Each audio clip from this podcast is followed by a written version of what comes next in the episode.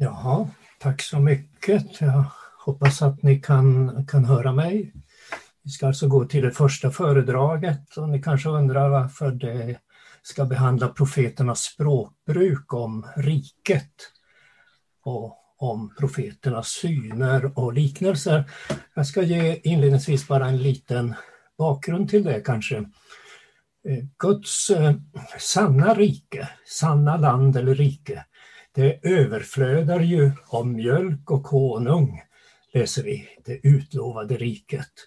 Men otro, olydnad berövar oss detta underbara rike. Och det blir då istället ett rike med törne och tistlar. Ett rike med ofrid. Det ger ingen sann vila. Vi läser ju redan i Bibelns början hur Adam och Eva drevs ut ur eh, det överflödande paradiset där allt var mycket gott som det står. De drevs ut på grund av sitt uppror mot Gud. Och när Josua efter en 40-årig ökenvandring förde Israels barn in äntligen i det utlovade landet, då kom de ändå inte in i vilan, läser vi i Hebreerbrevet. Inte in i ett land som flödar av mjölk och honung. Och varför? Ja, lagen har ett villkor som måste uppfyllas och som ingen syndare kan uppfylla. Det kan bara vår frälsare. Och löftet om frälsaren var givet. Men man mötte detta löfte med otro och man kunde inte, när man då ville med egna gärningar vinna riket, så kunde man inte uppfylla villkoren. Full tillit till Guds ord, full lydnad för Guds ord. Hebreerbrevets författare skriver på grund av otro kunde de inte komma in. Hebreerbrevet 3.19. Men skriver författaren, det finns ett löfte kvar om att få komma in i hans vila. Vår synd stänger oss ute från Guds överflödande paradis. Vi kan aldrig göra oss syndfria, rättfärdiga. Men vi skulle få en frälsare som krossar ormens huvud och han har kommit. Löftet har fullbordats. Frälsaren har övergivits i vårt ställe, tagit syndens straff i vårt ställe och varit fullkomligt lydig i vårt ställe, helt syndfri i vårt ställe. Så evangeliet har förkunnats för oss, liksom för dem, står det i Hebreerbrevet 4.1 följande. Det är vi som tror som får gå in i vilan, Hebreerbrevet 4.3, in i i, eller i denna syndens värld så är och förblir detta eviga fridsrike i gemenskap med Gud osynligt. Det har vi bara genom tron och det redan nu. Paulus skriver, när vi nu har förklarats rättfärdiga av tro så har vi frid med Gud. Inte att vi ska få det någon gång, vi har nu redan frid med Gud genom vår Herre Jesus Kristus. Romarbrevet 5.1. För om de många dog, skriver Paulus, genom en endas fall, så har Guds nåd och gåva så mycket mer överflödat till de många genom en enda människas nåd, Jesu Kristi nåd. Så är vi tillbaka till detta överflödande riket som är utlovat, det överflödar.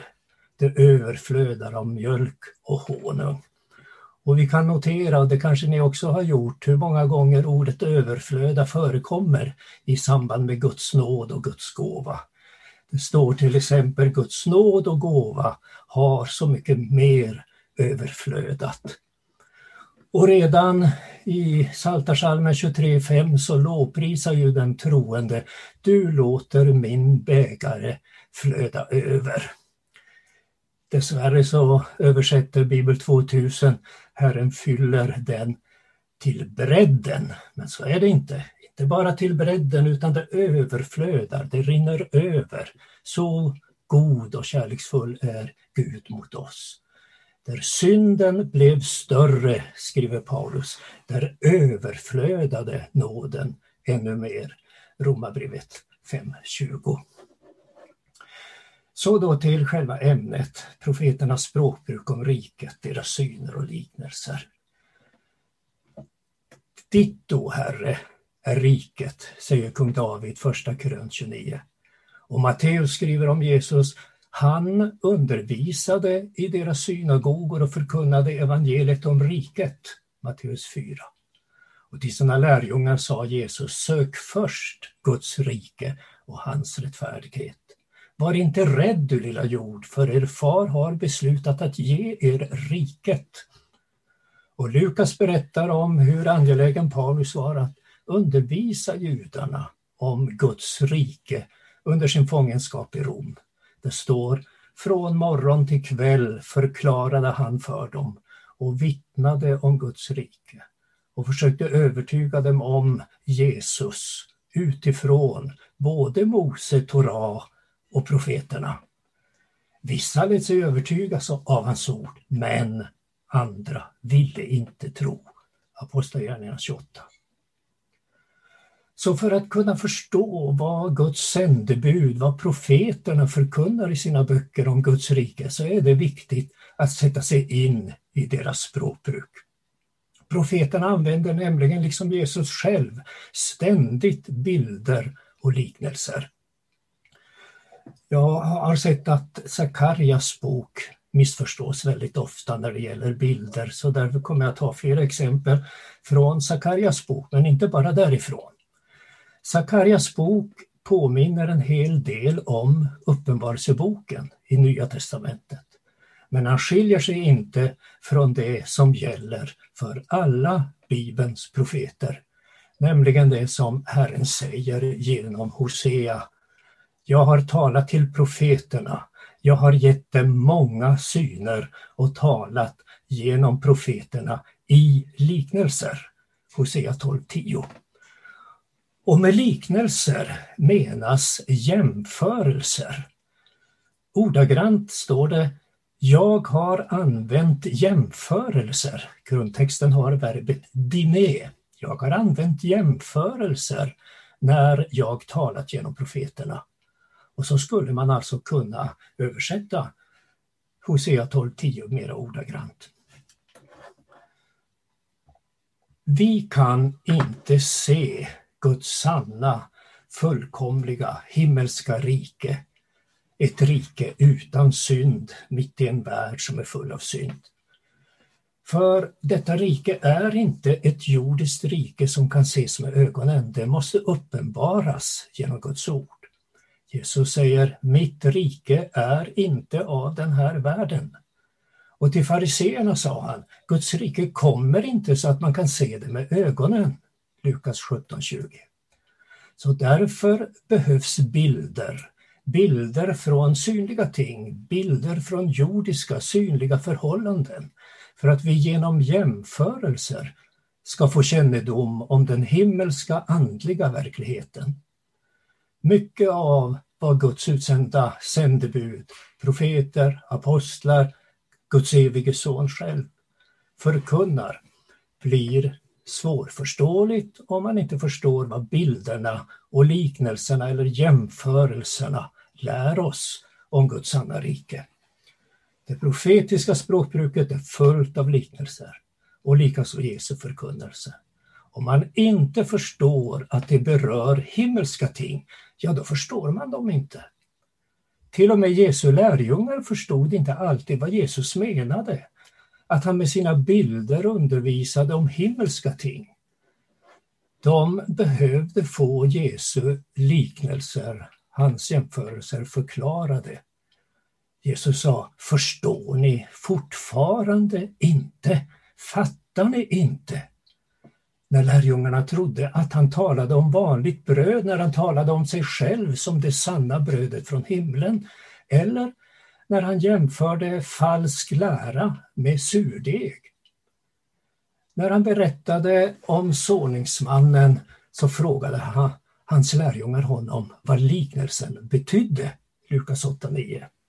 De behövde alltså Jesu hjälp för att förstå att den handlade om Guds rikes hemligheter. Vers 10. Och så behöver också vi Guds ords hjälp. Och en grundregel lyder skrift ska med skrift tolkas. Det vill säga tydliga bibelställen om samma ämne kastar ett förklarande ljus över dem som tycks oss dunkla. Liknelser och jämförelser som hämtats från jordiska förhållanden kallas i Nya testamentet för skuggbilder av det himmelska. De pekar fram emot Guds sanna rike och frälsningen genom Messias. Lagen är en skuggbild av det goda som kommer men inte tingen i deras verkliga gestalt, skriver Hebreerbrevets författare, Hebreerbrevet 1.1. Överste prästerna, står det, gör tjänst i en helgedom som är en kopia och skuggbild av den himmelska helgedomen. Hebreerbrevet 8.5. Och om gamla testamentets matregler och högtider skriver Paulus, låt ingen döma er för vad ni äter och, eller dricker, eller när det gäller högtid eller nymånad eller sabbat. Allt detta är en skugga av det som skulle komma, men själva verkligheten är Kristus. Kolosserbrevet 2, verserna 16 och 17. Majoriteten av judarna förstod inte detta och att skuggbilderna får sin fullbordan i det nya förbundet genom Jesus Kristus. Hebreerbrevet 8.13 framhåller att Gud redan genom profeten Jeremia klargjort detta grundläggande. Citat. När han, alltså Gud genom Jeremia, talar om ett nytt förbund så har han därmed förklarat det förra föråldrat. Hebreerbrevet 8.13.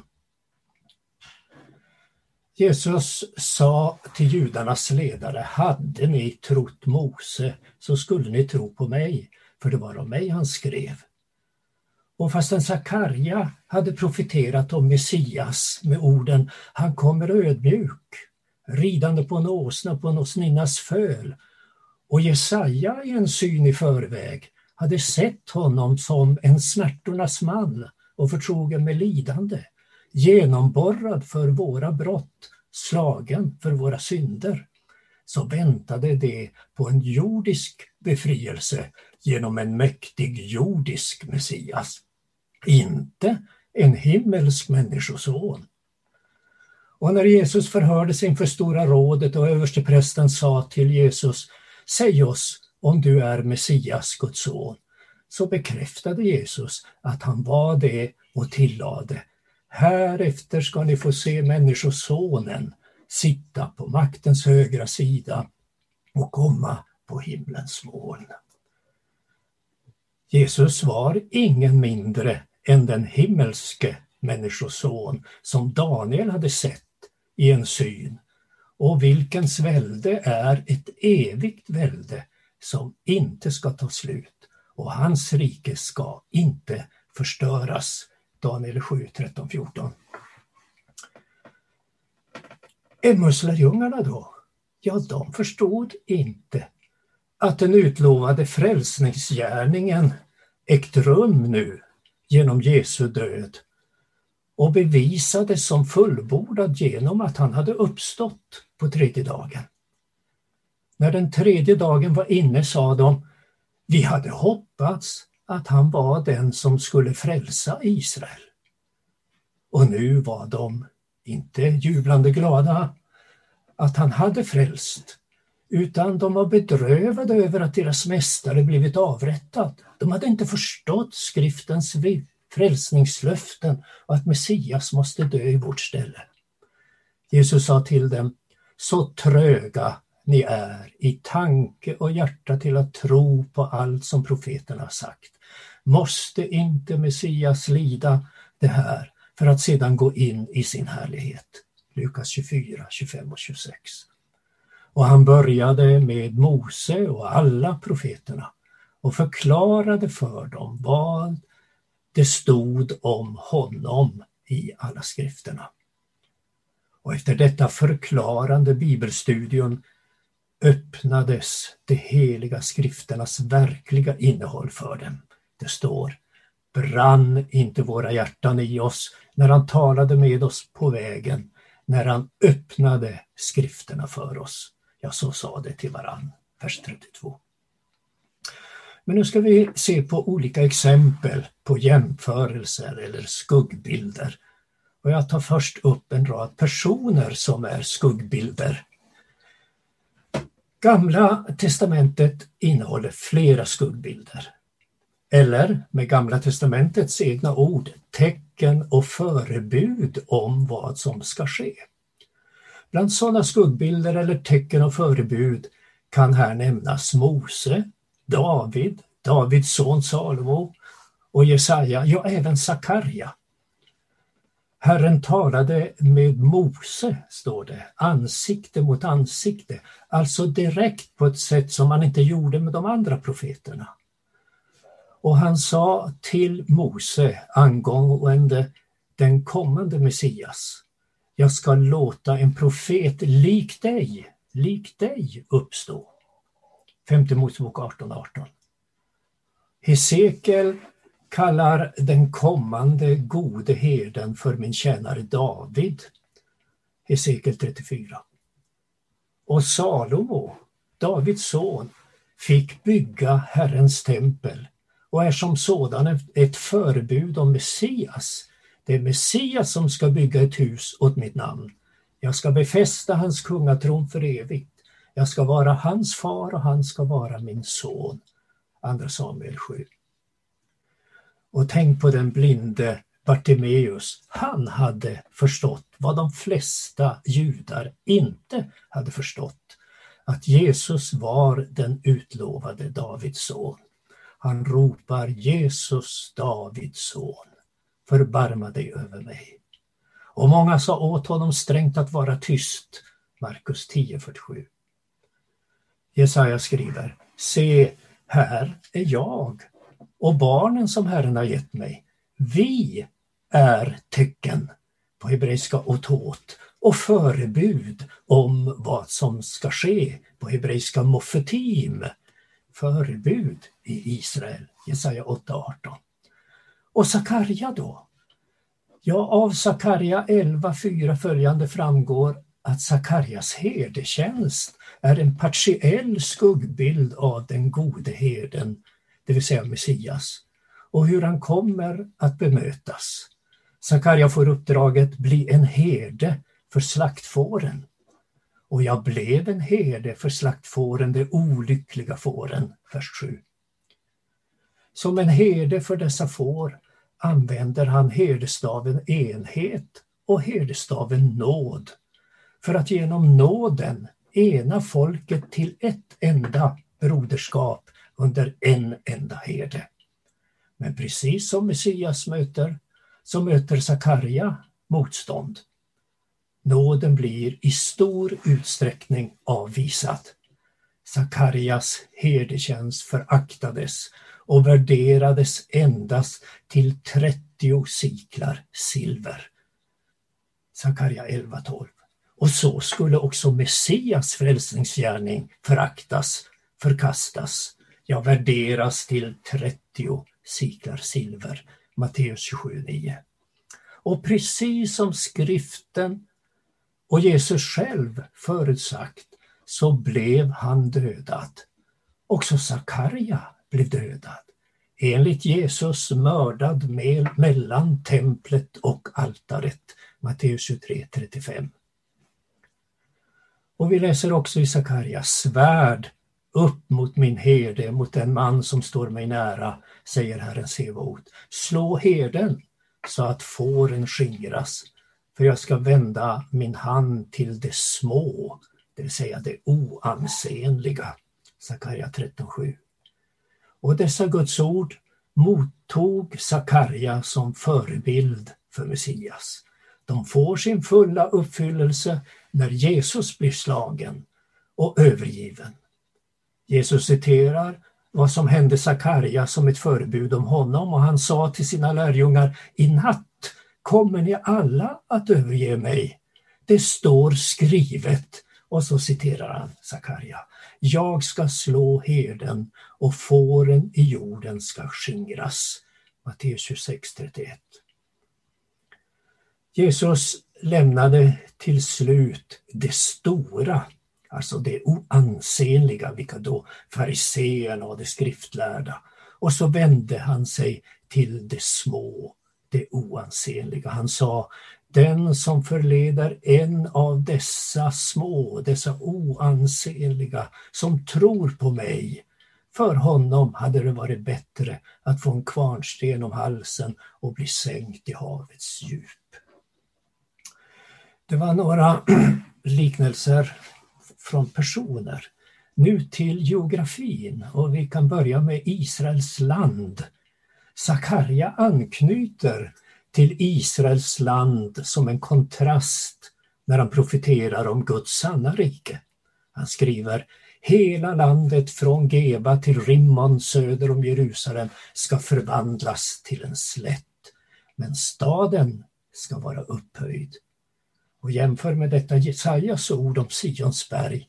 Berget med Herrens hus ska stå fast grundat och vara högst bland bergen.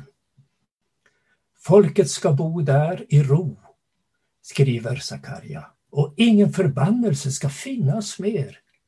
Jerusalem ska bo i trygghet, Sakarja 14. Vilken skillnad mot det jordiska Israel. Hur såg det ut det här?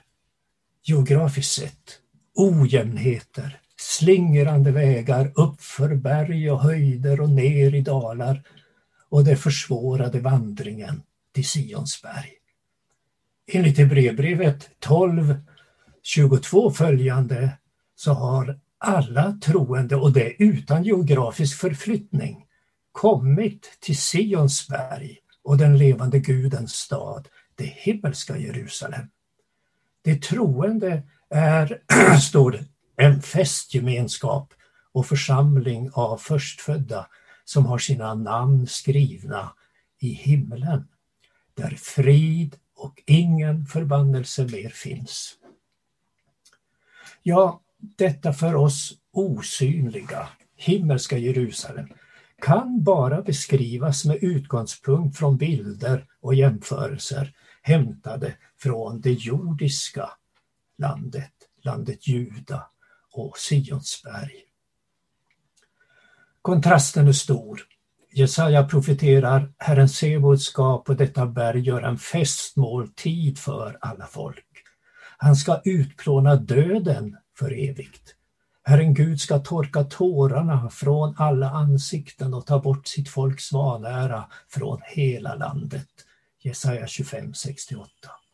Och redan nu, mitt i en värld full av lidande och synd, så tillhör det troende detta eviga fridsrike. Men inte så att man kan se det med ögonen före världshistoriens sista dag, domedagen. Lukas 17.20. Paulus säger om Kristus, han har uppväckt oss med honom och satt oss med honom i den himmelska världen. Efesierbrevet 2.6. Och detta evangelium om riket ska förkunnas i hela världen till ett vittnesbörd för alla folk och sedan ska slutet komma. Matteus 24.14. Paulus vittnade för judarna i Rom om Guds sanna rike, läste vi, från morgon till kväll och försökte övertyga dem om Jesus utifrån både Mose lag och profeterna. Vissa lät sig övertygas av hans ord, men andra ville inte tro. Apostlagärningarna 28. Och till de små, de oansenliga, sa Jesus, var inte rädd, du lilla jord, för er far har beslutat att ge er riket. Lukas 12.32. Det jordiska riket, det jordiska landet Israel, det präglades inte under gamla förbundets tid av frid, tvärtom av oenighet och många avgudadyrkare. ständiga svek och ständigt avfall. Och hedniska arméer och även vilda djur var ett ständigt hot. Vargar, leoparder, björnar och lejon spred död omkring sig i Israel. Giftormar var en ständig fara för lekande barn. Och därför nämner Jesaja just dessa djur i sitt jämförande bildspråk för att åskådliggöra skillnaden mellan det jordiska landet och Guds sanna himmelska rike, där alla, alla dess invånare har den frid som Messias vunnit åt dem genom sin ställföreträdande försoningsstöd. Jesaja skriver vargar ska bo tillsammans med lamm, leoparder ligga bland killingar, kor och björnar ska gå och beta, deras ungar ska ligga tillsammans och lejon ska äta halm som oxar. Ett spädbarn ska leka vid huggormens håla. Ingenstans, ingenstans på mitt heliga berg ska man göra något ont. Jesaja 11, 6 följande. Så landet kan i profetiskt språkbruk också personifieras som Messias brud eller hustru. Och ingen kommer väl då att tänka på att det här inte är ett symbolspråk. Det står Ditt land ska inte mer kallas ödemark, utan du ska heta min kära, min älskling. Och ditt land, den äkta hustrun. För Herren har dig kär. Ditt land har fått sin äkta man. Jesaja 62.4. Och jämför detta med Uppenbarelseboken 21.2 och jag såg den heliga staden, det nya Jerusalem, komma ner från himlen, från Gud. Hur då? Redo som en brud som är smyckad för sin man. Och David betonar i Saltaren 37 att det är de troende som ska ärva landet och njuta stor frid. De som hoppas på Herren ska ärva landet. Vers 9. De ödmjuka ska ärva landet och njuta stor frid. Vers 11. De rättfärdiga ska ärva landet och bo där för evigt. Vers 29. Och vi vet att jorden ska gå under. Hela världen ska gå under och ändå står det att det rättfärdiga ska ärva landet och bo där för evigt. Det är alltså inget jordiskt rike, för det går under. Ett annat uttryck som kommer, förekommer hos Sakarja och även i bland annat Hesekiel är att Jerusalem är som en obefäst plats. Och vad menas med det? Ja, Bibeln talar omväxlande om det jordiska Jerusalem och det himmelska Jerusalem, det jordiska Sion och det sanna Sion. Det jordiska Jerusalem ska förebilda det himmelska Jerusalem som Guds trygga stad med himmelsk frid.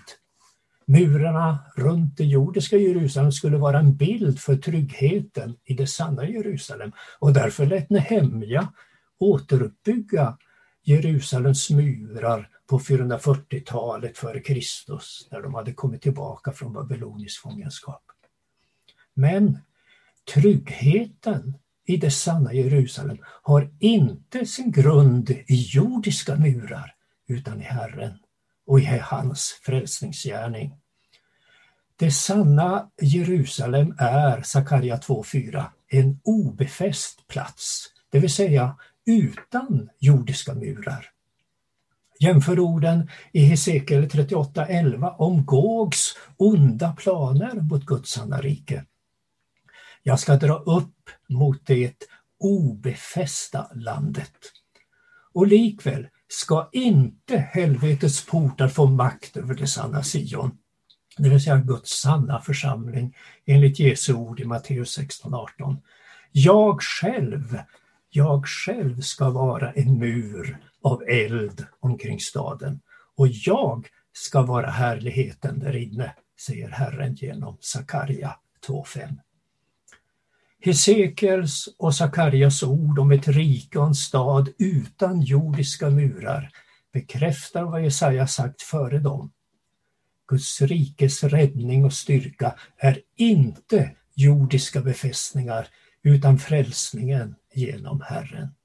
Vi har en stark stad. Frälsningen gör han till murar och värn. Jesaja 26.1. Du ska kalla dina murar för frälsning och dina portar för lovsång. Jesaja 60.18. Jag ska göra dina tinnar av rubiner, dina portar av kristall och hela din ringmur av ädla stenar. Jesaja 54.12.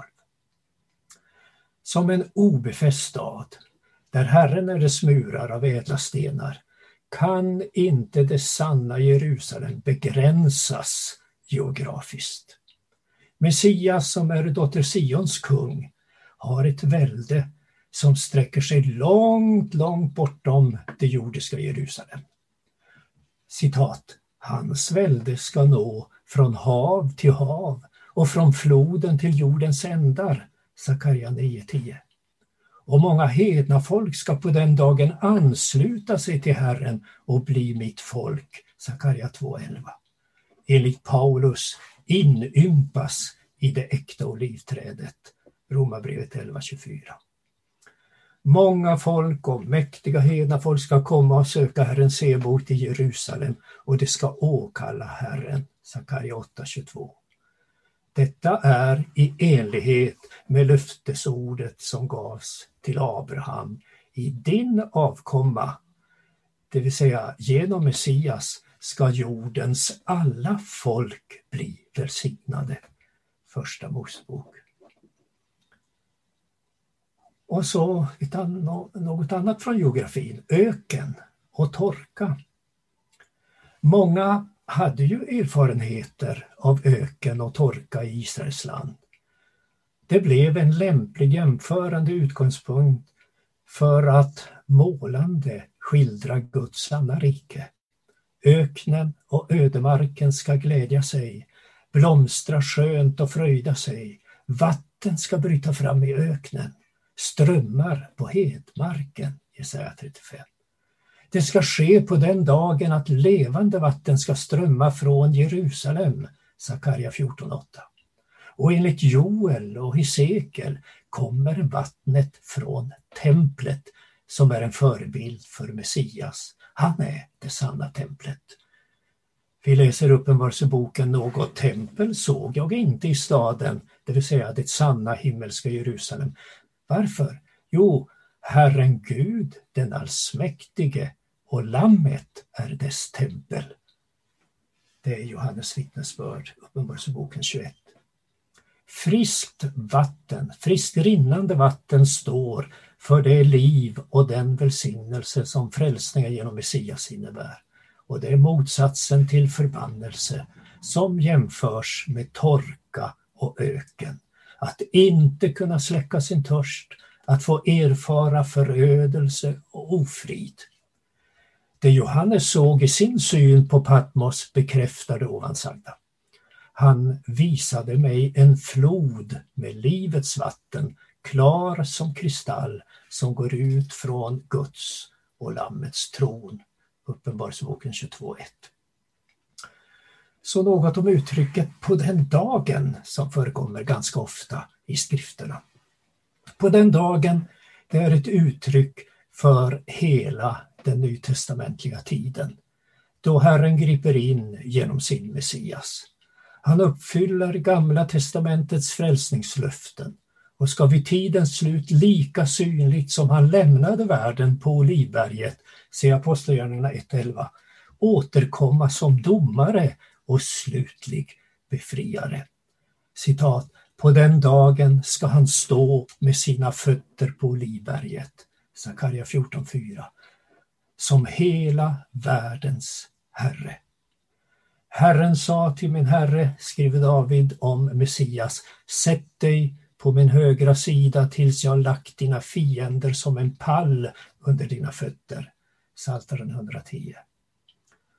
Och Sakarja använder ofta begreppet den dagen om just uppfyllelsens tid då Herren griper in både till dom och frälsning. Precis som var förutsagt. Herren har smort mig till att förkunna glädjens budskap för det ödmjuka, att förkunna ett nådens år från Herren och en hämndens dag från vår Gud. Jesaja 61. Och det står i Sakarja 2.11 Många hedna folk ska på den dagen ansluta sig till Herren och bli mitt folk. Det vill säga under den nytestamentliga tiden. Sakarjas ord överensstämmer med vad Herren sagt om Messias genom Jesaja. Jag ska sätta dig till ett ljus för hedna folken, för att du ska bli min frälsning ända till jordens yttersta gräns. Jesaja 49.6. Johannes skriver om Messias ankomst. Det sanna ljuset som ger ljus åt alla människor skulle nu komma in i världen. Johannes 1.9. Och Jesus sa, jag är världens ljus. Johannes 8.12. Tro på ljuset medan ni har ljuset så att ni blir ljusets barn. Johannes 12.36. Och Paulus understryker, hedningarna har samma arv som vi. Efesierbrevet 3.6. Den dagen börjar alltså med Messias ankomst. Se, jag ska låta min tjänare telningen komma, profeterar Sakarja 3.8.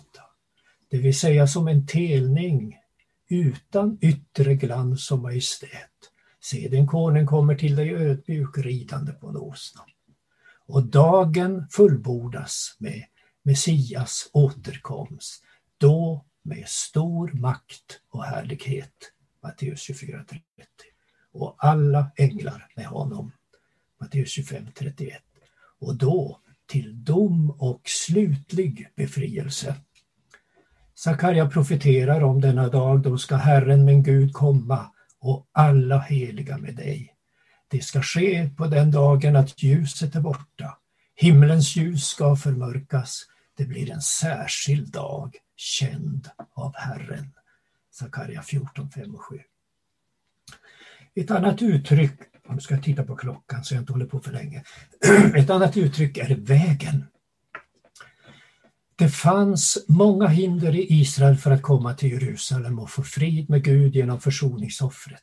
Vägen upp till Jerusalem gick genom kuperad och svårframkomlig mark och vandrarna hotades av rovdjur och rövare.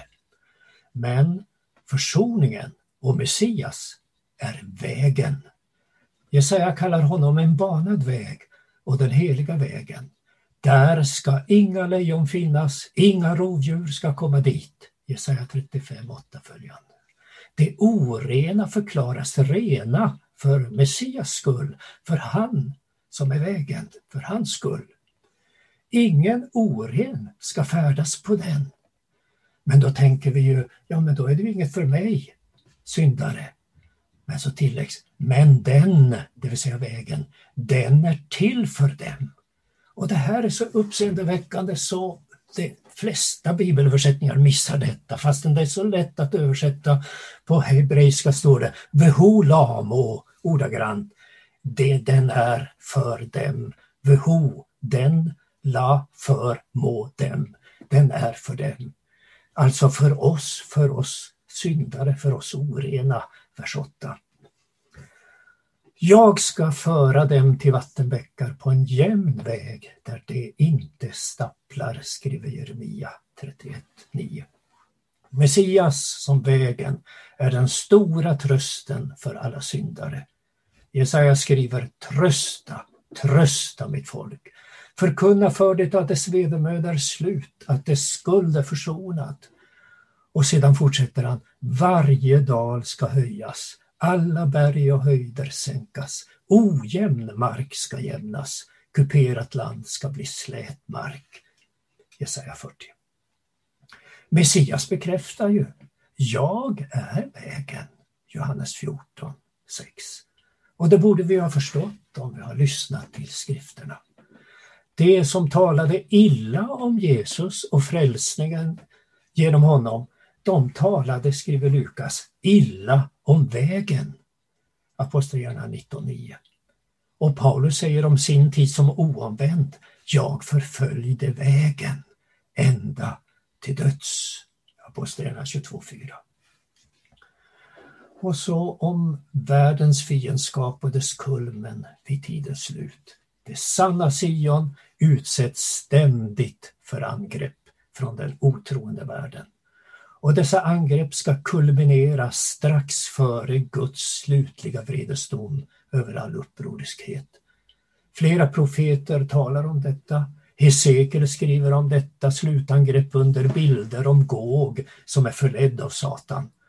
Också Johannes såg i sin syn detta angrepp när de tusen åren, det vill säga den nytestamentliga tiden, når sitt slut. Uppenbarelseboken 20, 7-9. Och det talas om den stora kedjan som binder och därmed begränsar Satans förledande verksamhet. Uppenbarelseboken 21-3.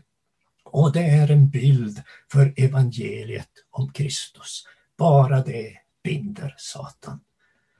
Så när evangeliet tystnar, och tänk vad allvarligt det är när evangeliet på så många håll i vår tid tystnar.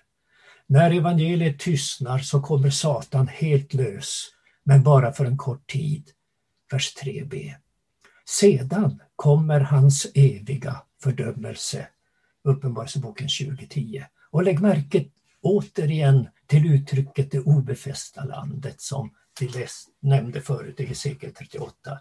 11. Du Gog ska säga, jag ska dra upp mot det obefästa landet, jag ska angripa dem som bor där i trygghet, alla som bor där utan murar, bommar eller portar. Och Sakarja, se, jag ska göra Jerusalem till en berusningens bägare för alla folk runt omkring. Och Juda ska drabbas när Jerusalem belägras. Sakarja 12.2. Det är Herren som låter hedna folken göra detta slutangrepp på Guds sanna rike före domedagen. Jag ska samla alla hedna folk till strid mot Jerusalem. Sakarja 14.2.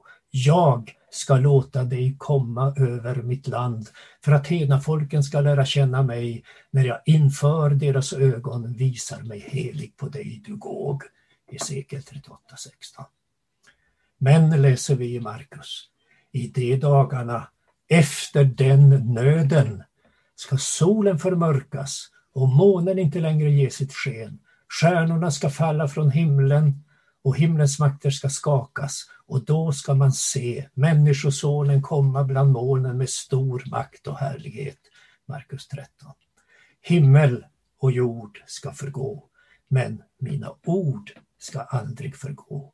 Men den dagen eller stunden känner ingen, inte himlens änglar, inte ens sonen, ingen utom Fadern.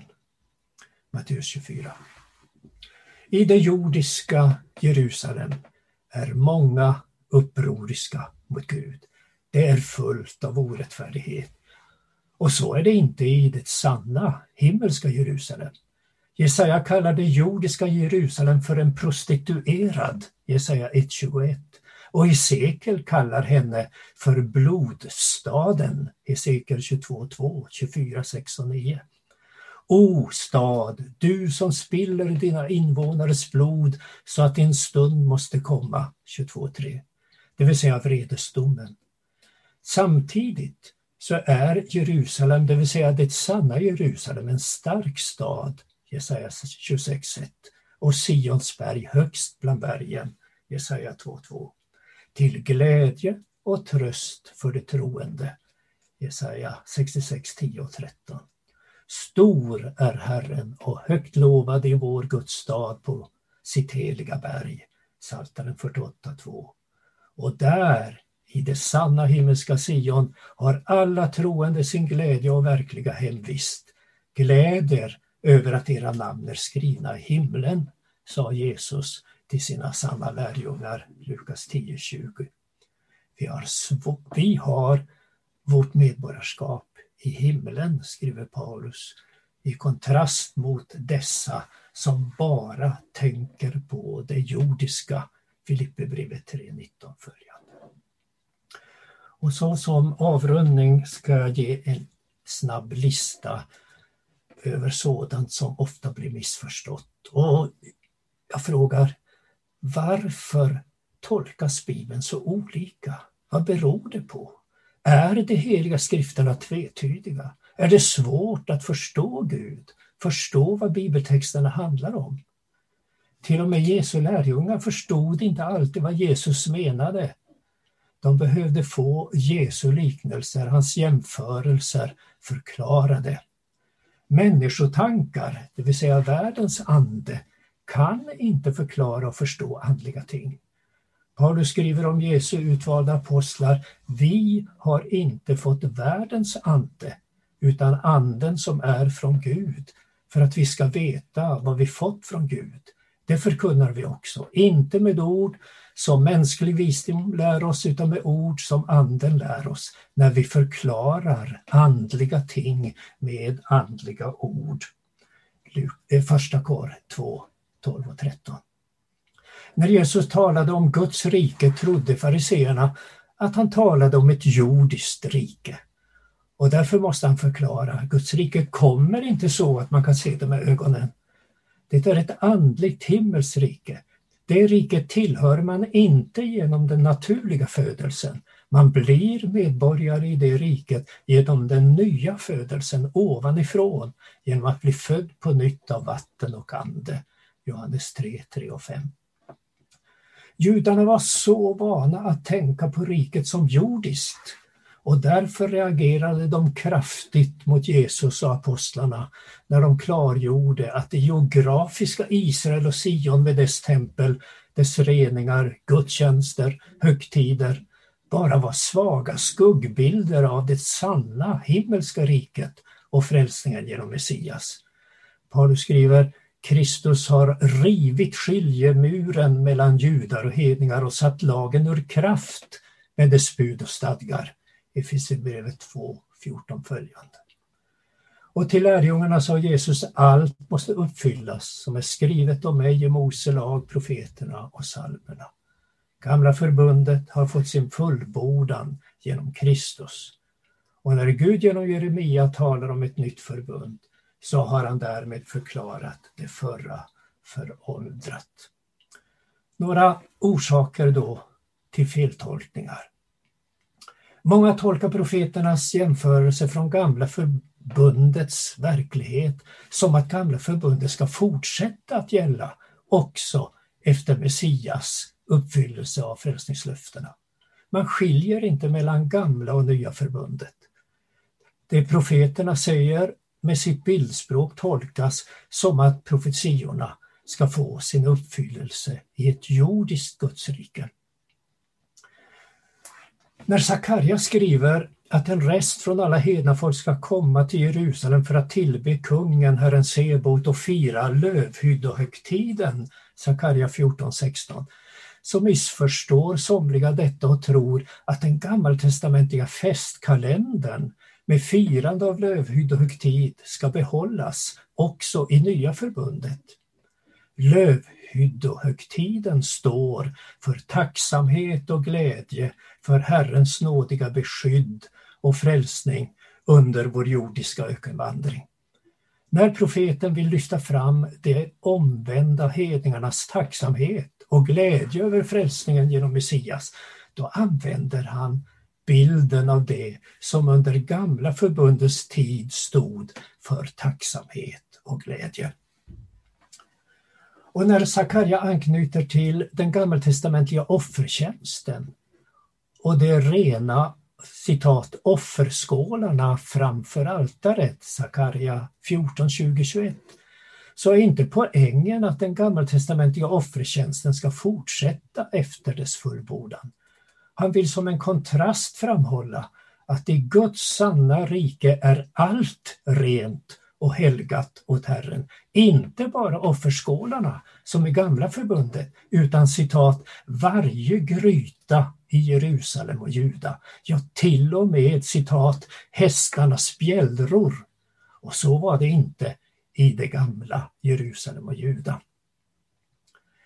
I Guds sanna rike, det himmelska Jerusalem, råder fullkomlig frid som Jesaja illustrerar med bilder från naturen som vi har nämnt tidigare.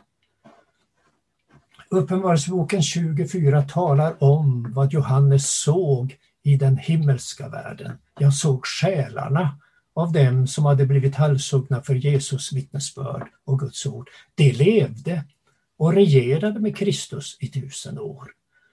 De troende har blivit födda på nytt ovanifrån och har evigt liv. De har blivit andligt levande från att ha varit andligt döda. Och detta benämner Uppenbarelseboken 26 som den första uppståndelsen. Uppståndelse från andlig död till andligt liv. De har fått evigt liv med Kristus och kommer inte under fördömelsedomen benämnd i samma vers den andra döden. Och det överensstämmer med Jesu ord. Den som hör mitt ord och tror på honom som har sänt mig, han har evigt liv. Han drabbas inte av domen utan har gått över från döden till livet. Johannes 5.24. Man låter alltså inte skriftställen som vi kan finna svåra att förstå belysas av andra skriftställen som är tydliga om samma ämne. Skriften är sin egen tolk. Skrift ska med skrift utläggas. Det är en gammal god regel. Feltolkningar av profeternas språkbruk beror ofta på att man bortser från tydliga bibelställen om samma ämne. Jag ser att klockan är så mycket så jag hoppar över lite grann. Jag hade tänkt att säga. Den här världen är full av lidanden och i den ondes våld, skriver Johannes, första Johannes 5. Djävulen går omkring som ett rytande lejon och söker efter någon att sluka. Ska Människosonen finna tron på jorden när han kommer? Ni kommer att höra stridslarm och rykten om krig. Se då till att ni inte blir skrämda, sådant måste hända. Men det är ännu inte slutet. Folk ska resa sig mot folk och rike mot rike och det ska bli svält och jordbävningar på många platser. Men allt detta är bara början av födslovåndorna. Ni kommer att bli hatade av alla folk för mitt namns skull och då ska många komma på fall, säger Jesus, Matteus 24. Herren Jesus Kristus har offrat sig själv för våra synder för att rädda oss ur, står det, den nuvarande onda tidsåldern. Galaterbrevet 1.4. Och slutet för den nuvarande onda tidsåldern kommer först på den yttersta dagen, då Herren Jesus kommer åter i härlighet för att döma levande och döda. Och då ska himlarna försvinna med våldsamt dån och himlakropparna upplösas av hetta och jorden och dess verk inte mer finnas till. Andra Petri 3.10 Endast Människosonens välde är ett evigt välde som inte ska ta slut och hans rike ska inte eh, förstöras. Ja, helt kort också bara om ett, ett ställe som ofta missförstås.